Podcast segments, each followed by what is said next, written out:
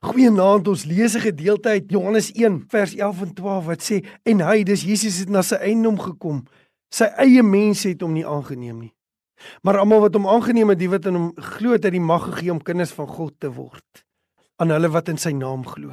Een oggend gesels ek met een van my seun se rugbyvriende se pa. En hy vertel vir my van dit wat in die laaste tyd in sy lewe gebeur het en onder andere het hulle 'n groep manne gehad by hulle gemeente En een van die manne het erge nierprobleme ontwikkel tot by die mate dat hy 'n nieroorplanting of 'n nierskenking drasties nodig het. En hulle as manne, omdat hulle hom saam ondersteun, het saam hulle laat toets en weet hy wel werklik waar daar toets hy dat sy nier geskik sou wees vir die broer en vriend.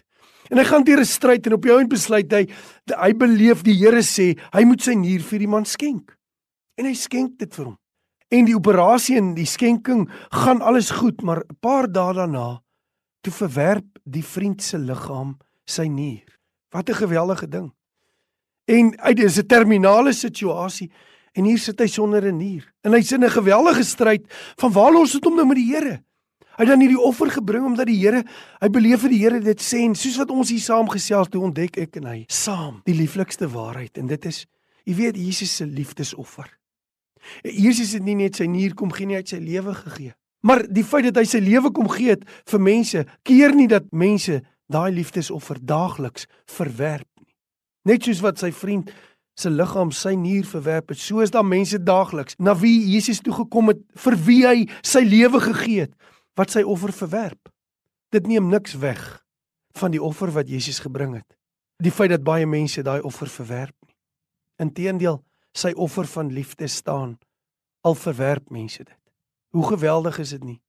Jy sien Nico se offer staan. Hy het sy nier gegee. Al kon dit miskien nie daai man se lewe red nie, kon hy die offer bring. En dit staan.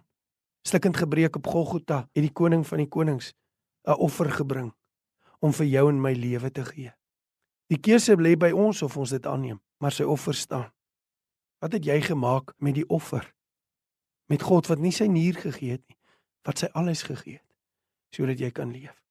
Ek wens ek kon langs jou sit. Ek wens ek kon vir jou vra. So baie mense in ons dag verwerp die grootste liefdesoffer van alle tye.